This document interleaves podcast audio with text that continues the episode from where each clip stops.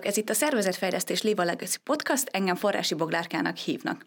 A mai napon Szabó Piroska kolléganőmmel fogunk beszélgetni a motivációs térképről, mindenek előtt viszont arra kérünk benneteket, hogy iratkozzatok fel YouTube csatornánkra és kövessetek be minket a Spotify-on.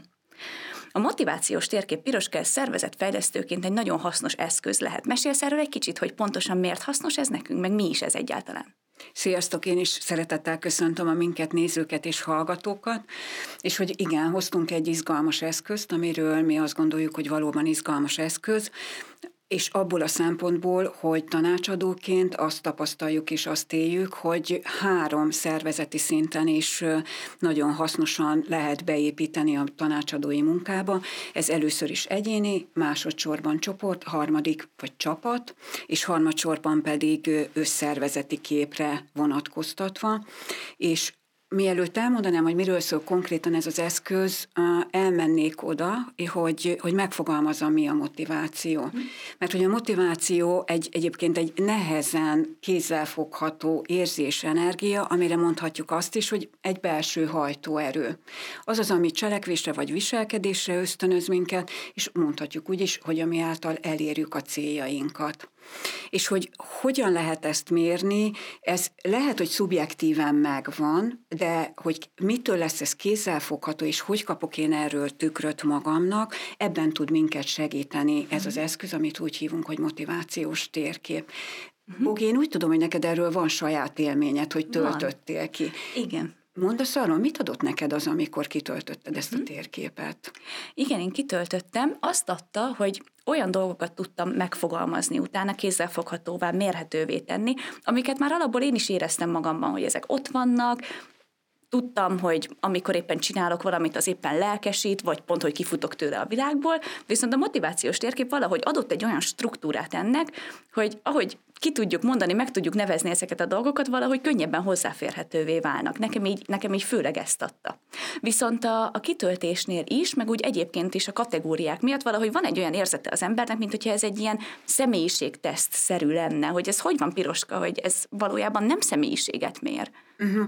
Ez szerintem egy nagyon fontos kérdés, hogy tisztázzuk, hogy nem személyiségteszt, hanem tulajdonképpen, ahogy mondtam, érzéseket tesz világossá, vagy kézzelfoghatóvá, és azt mutatja meg, hogy jelen pillanatban hol van az én energiám. A személyiségtesztben azt szoktuk nézni, hogy mik azok az állandóságok, ami miatt nekem van egy én vagy önazonosságom, míg a motivációs térképnél arra tudok ránézni, akár mint egy kamerával, hogy hol áramlik az én energiaszintem, és hogy ez alapvetően akár másfél-két évente tud is változni, hiszen ahogy változik körülöttem a környezet, változik a, a hitrendszerem, ugyanígy fog változni az én motivációm. Szóval, hogy nem összetévesztendő azzal, hogy ez én vagyok, hanem ez az, ami engem tölt, ami számomra most éppen pillanatnyilag fontos. Uh-huh. Említetted, hogy ez hasznos lehet akár egyéni, akár csapat, akár szervezeti szinten is. Egyéni szinten pontosan mi az, amit nyerhet, nyerhetnek ebből azok, akik ezt megrendelik?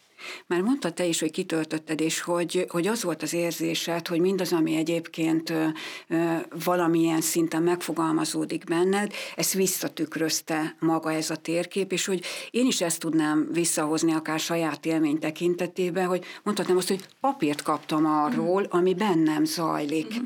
És hogy ez nem egy felmentés arra, hogy akkor most már tudom lobogtatni, hogy hello, nekem ez a motivátorom, és akkor innentől kezdve ne, nekem ez jár, ez a szükséglet, vagy, vagy jó, mm. hogyha ha ezt mindenki tudja, de hogy alapvetően tisztába tudom magam tenni, és a környezetemmel is jöhet egy tudatoság arra vonatkozóan, hogy mikor tudok én jól lenni. Uh-huh. És ez ugyanúgy igaz munkára, mint akár magánéletre, mert hiszen a, a motiváció mérhető nagyon a munkakörnyezetben is, de nyilván az, hogy merre felé haladok, és mi az, ami számomra fontos adott időszakban, ez ugyanúgy igaz a, a civil életemre is. Uh-huh.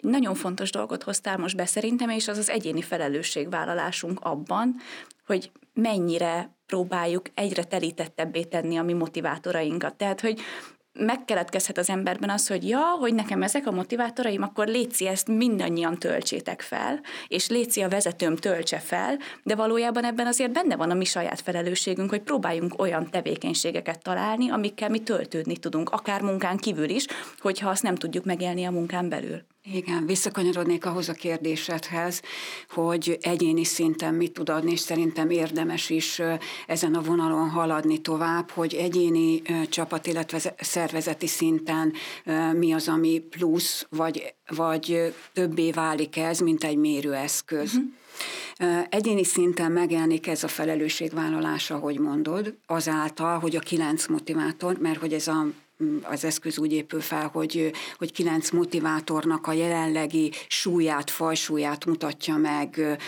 adott pillanatban rólam, magammal kapcsolatban, és azt is megmutatja, hogy ezek a motivátorok egyébként mennyire telítettek, mm. azaz mennyire kielégítettek a, az én szükségleteim ebben a, a tekintetben.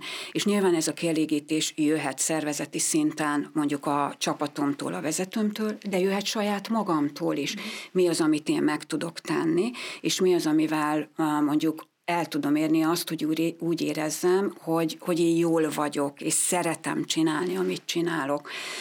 Mostanában nagyon sokat beszélünk arról egyébként, hogy fontos az, hogy a, a dolgozók jól léte és elköteleződése ott tartsa a munkavállalót a szervezetben. De hogy alapvetően ezért az a fajta a sajátos szempont is, hogy én mit tudok tenni, ez fontos lehet. Plusz azon kívül egyéni szinten szerintem sokat adhat a motivációs térkép, hogy, hogy azt érezzem, hogy az a feladat fontos nekem, és jól vagyok benne. Uh-huh. Ezáltal tud csökkenni az én stresszem, a feszültségem, mert hogy lehet jól és nagyot teljesíteni, de ha hosszú távon abban én nem érzem jól magam abban a feladatban, ez vezet az elfáradás vagy kiégéshez. Uh-huh. Szóval, hogy ebben is tükröt tud adni a, a motivációs térkép, és hát persze a karrierem tervezésében. Jelenleg most azt érzem, hogy nekem fontos, hogy, hogy egy témában el tudjak mélyülni, mondjuk ez egy szakértő motivátorra lehet igaz, akkor ha, ha én ezt folyamatosan és tudatosan törekszem arra, hogy olyan feladatokat keressek, ami, aminek én a mélyére tudok menni, ki tudom aknázni azt a fajta szaktudást, ami abban rejlik, uram, bocsa, akár tanítani is tudok, mentorálni, vagy megtalálni az én jó mentoromat, akkor mindenféleképpen hosszú távon is tudatosan tehetek azért, hogy most is jól legyek, illetve a karrierutam olyan irányba menjen, ami hosszú távon ezt fenntart tartja. Uh-huh.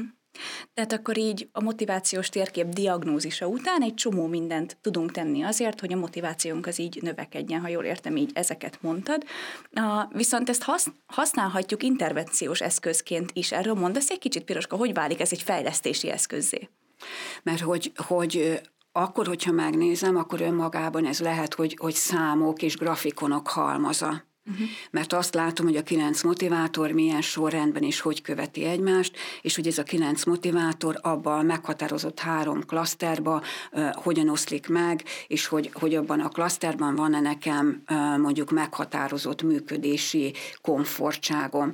De alapvetően, hogyha ezt túlnézünk a számokon, és mondjuk egy tanácsadó visszajelzése alapján közös gondolkodásban, mondjuk coaching szemléletben átbeszéljük, hogy ez, ez hogy van, hogy illeszkedik az én szervezeti valóságomhoz, a szervezetben betöltött szerepemhez, akkor hozhat egy olyan tudatosságot, amivel azt tudom mondani, hogy hoppá, ez tényleg, ez valóban az én működésemben mondjuk jellemzően kevésbé tud megvalósulni, de mi az, amivel ki tudom mondjuk a civil életemben egészíteni, ha egy olyan munkakörben dolgozom, ahol kevésebb az alkotás, a szabadság és a kreativitás lehetősége, viszont nekem fontos motivátorom, ak- akkor mondjuk rágondolni arra, hogy ezzel mit tudok kezdeni, és hogy, hogy tudom ezt telíteni, vagy töltöttebbé tenni.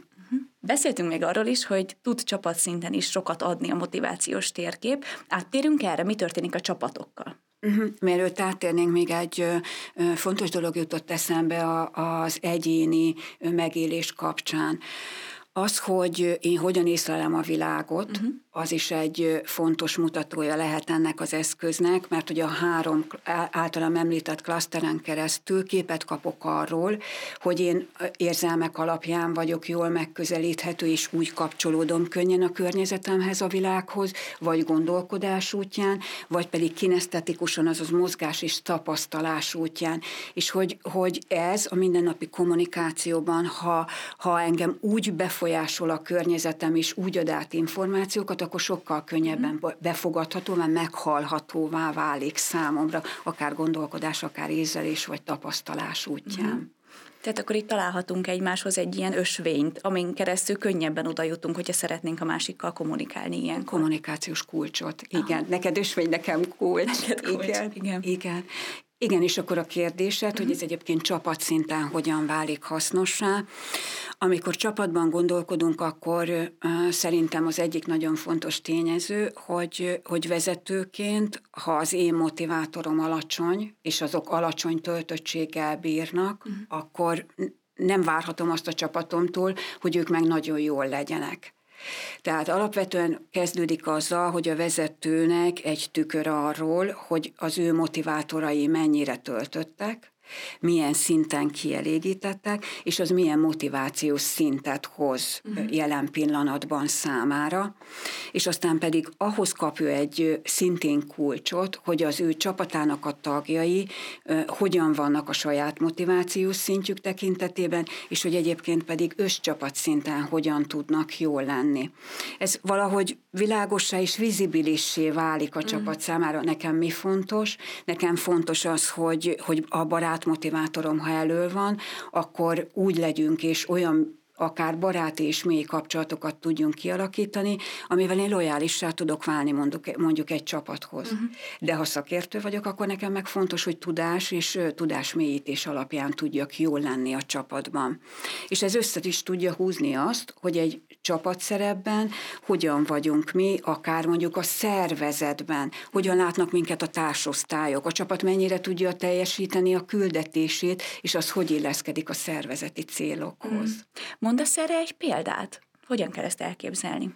Hát például, hogy, hogy mondjuk egy IT csapatban gondolkodunk, és hogy az ő motivátoraik, hogyha ha a, az IT-ról azt tudjuk ugye nekik nagyon gyorsan és változásbarátan kell alkalmazkodni a környezet és a környezeti igényekhez. Hogyha nekik azok a motivátoraik vannak elől, amik mondjuk erre predestinálnak, jogosítanak, vagy jogosítják őket, akkor az azt tükrözi, hogy ők jól vannak, és akár jól is lehetnek az adott munkakörbe. De ha mondjuk nekik azok a motivátorok vannak elől, amik mondjuk az állandóságra, a lassúbb változásra, változásra éreztetik jól magukat, vagy érzik jól magukat, akkor ez lehet hoz egy, hoz egy hosszú távú belső feszültséget, mert nem tudnak ennek megfelelni a saját munkakörükben. Uh-huh. Válaszoltam a kérdésedre? Igen, köszönöm. Szerintem ez így érthetőbb is lesz sok mindenki számára. A, úgy érzem, hogy már át is tértünk egy kicsit a szervezeti szintre, hogy ez a beavatkozás, ha beavatkozásként használjuk, nem csak diagnosztikai eszközként, hogyan lehet hasznos szervezetek számára. A, a szervezetekben, ha gondolkodunk, ak- akkor még amit szeretnék első körben hangsúlyozni, hogy az, a, a szervezetben a felső vezetői szinten is egy nagyon hasznos diagnosztikai és intervenciós mm. eszköz lehet a motivációs térkép, hogy mitől? Hát attól, hogy, hogy az, hogy döntést kell hozni, hogy stratégiát kell alkotni, ez alapján nagyon fontos lehet, hogy, hogy tudjunk arról beszélni, hogy nekem mi fontos, és hogy a szervezetnek mi fontos, és hogy ez egyéni és szervezeti szinten hogy tud találkozni, és milyen példát tudunk mutatni mi vezetők ahhoz, és hogy milyen világos, egyértelmű célokat megfogalmazni a lefelé szinteken és közvetíteni a szervezetben, illetve az, hogy milyen példát tudunk mutatni arról, hogy hogyan kezeljük a konfliktusokat. Uh-huh. Ezeket mennyire tudjuk felvállalni, vagy mennyire tudjuk a, a szervezet érdekében gördülékenyen kezelni. És aztán jön az, hogy szervezeti szinten fontos még ez az eszköz, hogy tudjunk abban gondolkodni, hogy kik a, a potenciális ö, ö, utódok, kik mhm. azokban, akikben tudunk gondolkodni, karrier, tudatos karriertervezésben, és hogy akár mondjuk a kiválasztásnak is egy jó mhm. eszköze lehet.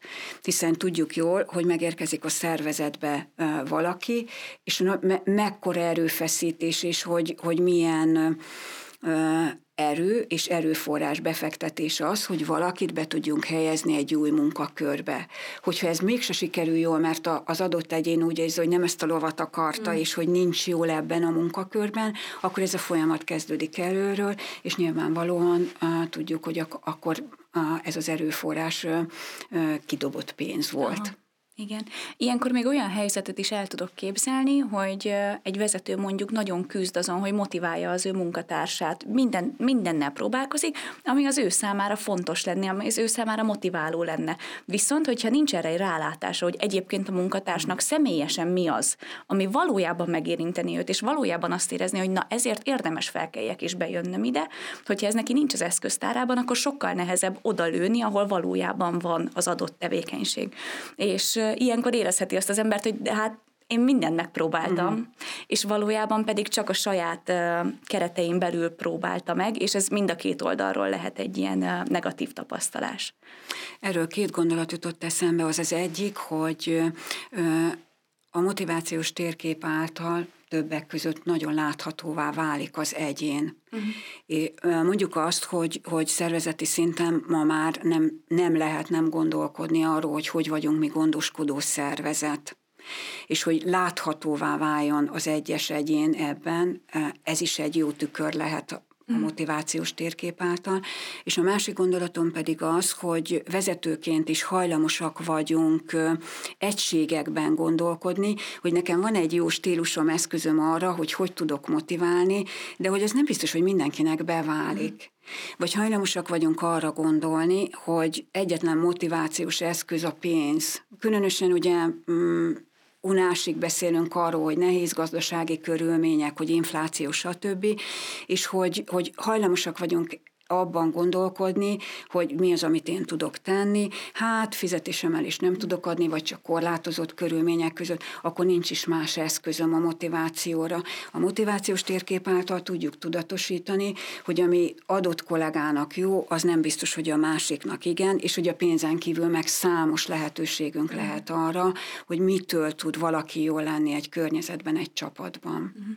Igen, nagyon hasznos lehet ez, hogy kitágítjuk egy kicsit ezt a látószöget, és új eszközökhöz jutunk ezáltal.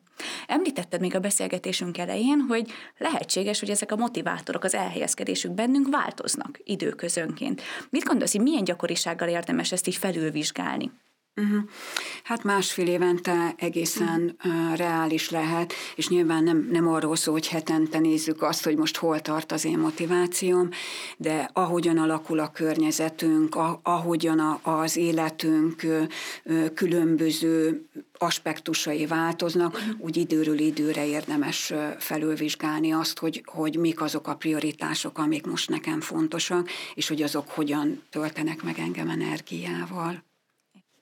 Van-e valami még piroska, amit is záró gondolatként mondanál itt a hallgatóinknak, nézőinknek? Uh-huh. Ami, ami szerintem fontos lehet még, hogy uh, sokszor szoktuk keresni, keresni azokat a lehetőségeket, amire azt mondjuk, hogy, hogy egységes nyelvezet, vagy, vagy mindannyiunk számára ismerős. Uh-huh. Mi, amikor csapatszinten kitöltöttük a motivációs térképen, akkor hozott nekünk egy, egy közös gondolkodást, mondhatni azt, hogy egy intimitást is, uh-huh. hogy, hogy tudod, nekem ez fontos.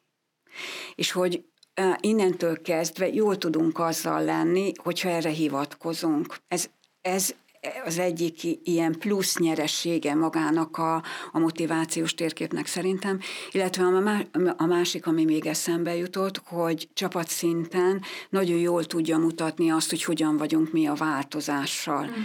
És szintén nem kell arról beszélnünk, hogy a változás mennyire a jelen valóságunk része, és az, hogy csapatszinten egy vezető hogyan tudja a csapatát átsegíteni a nehézségeken, az, hogy a csapatban egyébként mennyire jelenik meg a kockázat kerülés és a változással való jólét, ezek szintén hasznos információk lehetnek arra, hogy hogyan tudunk reagálni a jelenünkre, illetve a közeli változásokra. Uh-huh. És hogy nem, nem csak információnak hasznos, és ezt már próbáltuk itt kiemelni korábban, de hogy megint így ezt megerősíteném, hogy nem csak a, azért fontos a motivációs, meg azért hasznos a motivációs térkép, mert információkat kapunk, hanem azért, mert konkrét beavatkozásokat tudunk ezáltal megtervezni, és a valódi értéket így fogja ez jelenteni a szervezetek számára, hogy a fejlesztési folyamatot építünk fel hozzá. Rendben, Piroska, nagyon szépen köszönöm neked a beszélgetést, akik pedig néztek és hallgattak minket, nektek pedig nagyon köszönjük, hogy velünk velünk voltatok. Arra kérünk titeket, hogy iratkozzatok fel a YouTube csatornánkra, és kövessetek minket a Spotify-on. Sziasztok! Én is köszönöm, sziasztok! thank you